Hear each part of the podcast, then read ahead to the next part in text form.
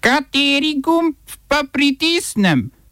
Tisti, na katerem piše OF. Juhu! Nova litovska predsednica vlade postala Ingrida Šimonita. Indija prepovedala še 43 kitajskih mobilnih aplikacij. Azerbajdžanska vojska skladno s porozumom zauzela območje Kalbadžar ob meji z Armenijo. Spodnji dom francoskega parlamenta potrdil osnutek spornega varnostnega zakona. Nova litovska premijejka je postala konzervativka Ingrida Šimonita. Tako so včeraj odločili poslanci v 141-članskem parlamentu. Za imenovanje jih je glasovalo 62, proti jih je bilo 10, 41 izvoljencev ljudstva se je glasovanje vzdržalo, nekaj pa se jih seje ni udeležilo. Šimonita je nekdanja finančna ministrica in voditeljica Domovinske unije, ki je oktobra slavila na parlamentarnih volitvah. Vlada, ki jo bo vodila, bo koalicijska. Poleg premijejkine desno-sredinske stranke bosta pri vrhu izvršilne oblasti še dve liberalni stranki in sicer Svobodnjaška stranka in liberalno gibanje. Omenjene koalicijske partnerice imajo v parlamentu skupaj 74 stolčkov, kar predstavlja tri glasove nad potrebno večino. Parlament so po imenovanju nove predsednice vlade za teden dni zaprli, razlog pa tiči v porastu okužb z novim koronavirusom v državi. Več v offsajdu ob petih. Indija je prepovedala uporabo še 43 mobilnih aplikacij, ki so v glavnem kitajskega izvora. Po mnenju Zvezdnega ministrstva za tehnologijo, aplikacije namreč ogrožajo indijsko suverenost. Na seznamu zdaj že okrog 200 tih prepovedanih aplikacij, na njem sta med drugim TikTok in PUBG, je po novem tudi spletni trgovec Alibaba. Intenzivne prepovedi kitajskih aplikacij si sicer sledijo v valovih na nekaj mesecev.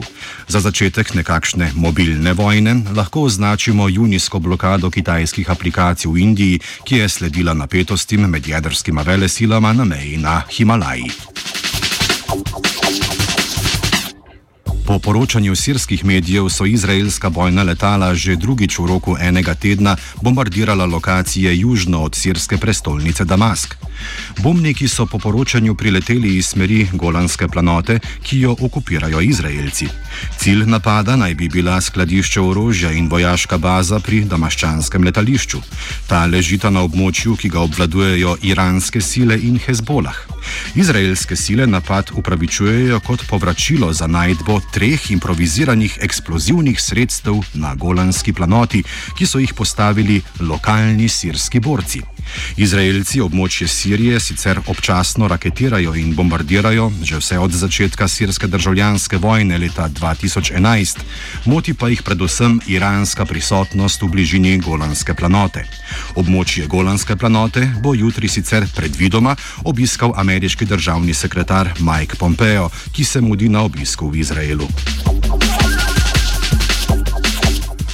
Azerbajdžanska vojska je v skladu s porozumom, ki je končal spopade v Gorskem Karabahu med Azerbajdžanci in Armenci, danes zjutraj zauzela Kalbadžar. Azerbajdžanci bi morali na območje veliko okrog 3000 km2 vstopiti že pred desetimi dnevi, a so Armenci prosili za zakasnitev, da bi tukajšnjim rojakom omogočili umik. Kalbadžar je bil zadnjih 27 let del samooklicane republike Artsak, ki je bila de facto del Armenije, de jure pa del Azerbajdžana. Že predtem so azerbajdžanski vojaki skladno s porozumom zauzeli območje Agdama, do 1. decembra pa bodo zauzeli še območje Lačina. Spodnji dom francoskega parlamenta je potrdil osnutek spornega novega varnostnega zakona. Ta v 24. členu prepoveduje objavo fotografij obraza ali drugih identifikacijskih oznak policistov med izvajanjem različnih policijskih operacij, hkrati pa prepoveduje razširjanje fotografij v primeru, da je namen tega početja policistu škodovati. zapleteno. Posameznika, ki bi določila kršil, bi lahko čakala enoletna zaporna kazen in taratara 45 tisoč evrov globe. Predvidena stroga zakonodaja je sprožila odzive neodobravanja med novinarji in uredniki, aktivisti in opozicijo, tudi med nekaterimi predstavniki stranke francoskega predsednika Emanuela Macrona. Zakon čaka še obravnava in potrditev v senatu. To se bo predvidoma zgodilo januarja, hkrati pa mora še skozi sito ustavnega sodišča. Škotski parlament je soglasno sprejel zakon, ki omogoča brezplačen dostop do menstrualnih higijenskih izdelkov. Ta lokalnim oblastem nalaga, da morajo biti to vrstni higijenski izdelki na voljo vsem, ki jih potrebujejo. Na voljo bodo naprimer v javnih ustanovah, v šolah in na fakultetah. Zakon, za katerim stoji laboristka iz škotskega parlamenta Monika Lennon, odgovarja na pojav tako imenovane menstrualne revščine. Vse ženske si namreč ne morejo privoščiti menstrualnih higijenskih izdelkov. Pojav pa se je še intenziviral v času pandemije COVID-19. S prijetjem zakona je Škotska postala prva država na svetu s tako politiko. Strani znanstvene redakcije ta teden sledi druga zaporedna doza novic o oceni učinkovitosti še dveh cepiv. V ponedeljek sta preliminarne rezultate tretje klinične faze dveh različnih režimov odmerjanja svojega cepiva objavili Univerza v Oxfordu in farmacevtska firma AstraZeneca. V prvem režimu cepljenja, ki je izkazal 90-odstotno učinkovitost, je bila najprej odmerjena polovična, čez mesec pa še polna doza. V drugem režimu, ki je dosegel 62-odstotno učinkovitost, pa sta bili v presledku enega meseca obakrat odmerjeni polni dozi. Razlog za diskrepanco med učinkovitostjo obeh režimov odmerjanja cepiva ni pojasnjen, prav tako niso bili objavljeni natančni protokoli. Cepivo bazira na oslabljenem, prehladnem adenovirusu šimpanzov, v katerega so ustavljeni geni za virusni protein S. Ker je obstojno pri temperaturah od 2 do 8 stopinj Celzija, je njegov transport veliko lažji, če ga primerjamo z RNA cepivi, ki zahtevajo ultrahladne pogoje pri okoli minus 70 stopinj Celzija. Gre sicer zgolj za enega. Izmed mnogih faktorjev pri določanju cenovne dostopnosti cepiva bo pa njegova cena predvidoma osemkrat nižja od cene RNA cepiv, Pfizerja in Moderne. Iz Rusije pa so včeraj sporočili, da je cepivo Sputnik 5 izkazalo 91,4 odstotno učinkovitost, ki je bila sicer izmerjena na majhnem vzorcu 39 ljudi, ki so zboleli za koronavirusno boleznijo. Oba, če, če bom odgovoril na angliški.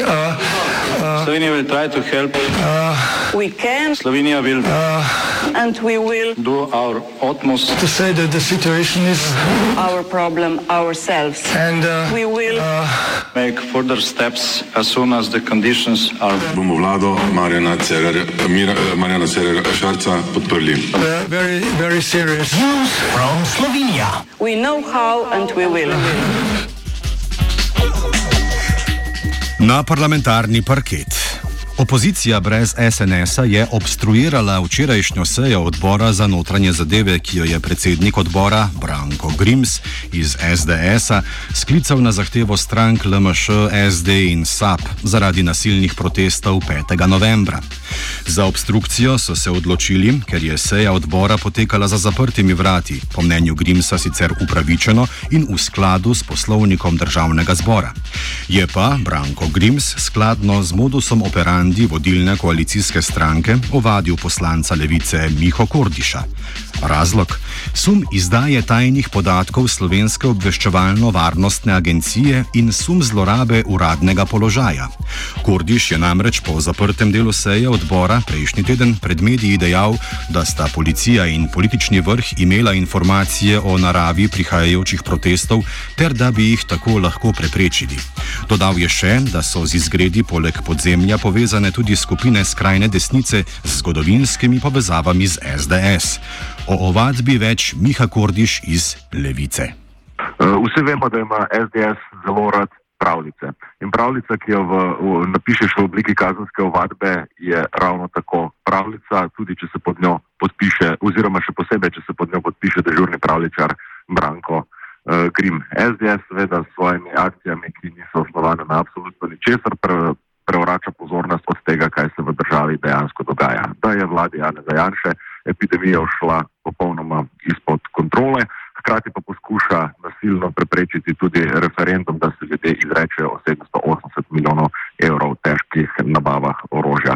Vse to so razlogi, zakaj se vladi Jane Zajanše trese stolček, zelo zgleda, da bo po osmih mesecih njegova vlada počasi zaključila svoj mandat, hkrati pa nima za pokazati pravzaprav ničesar razen totalnega kaosa v državi. Omeniti je treba še, da Janševi demokrati tožijo tudi sociologa Rudija Rizmana, ki jih je po njihovem pokrivem obtožil financiranja z Mačarske. Danes v parlamentu sicer potrjujejo paket protikoronskih ukrepov številka 6. Uf je pripravil urh, znanstveno novico je prispevala Teja.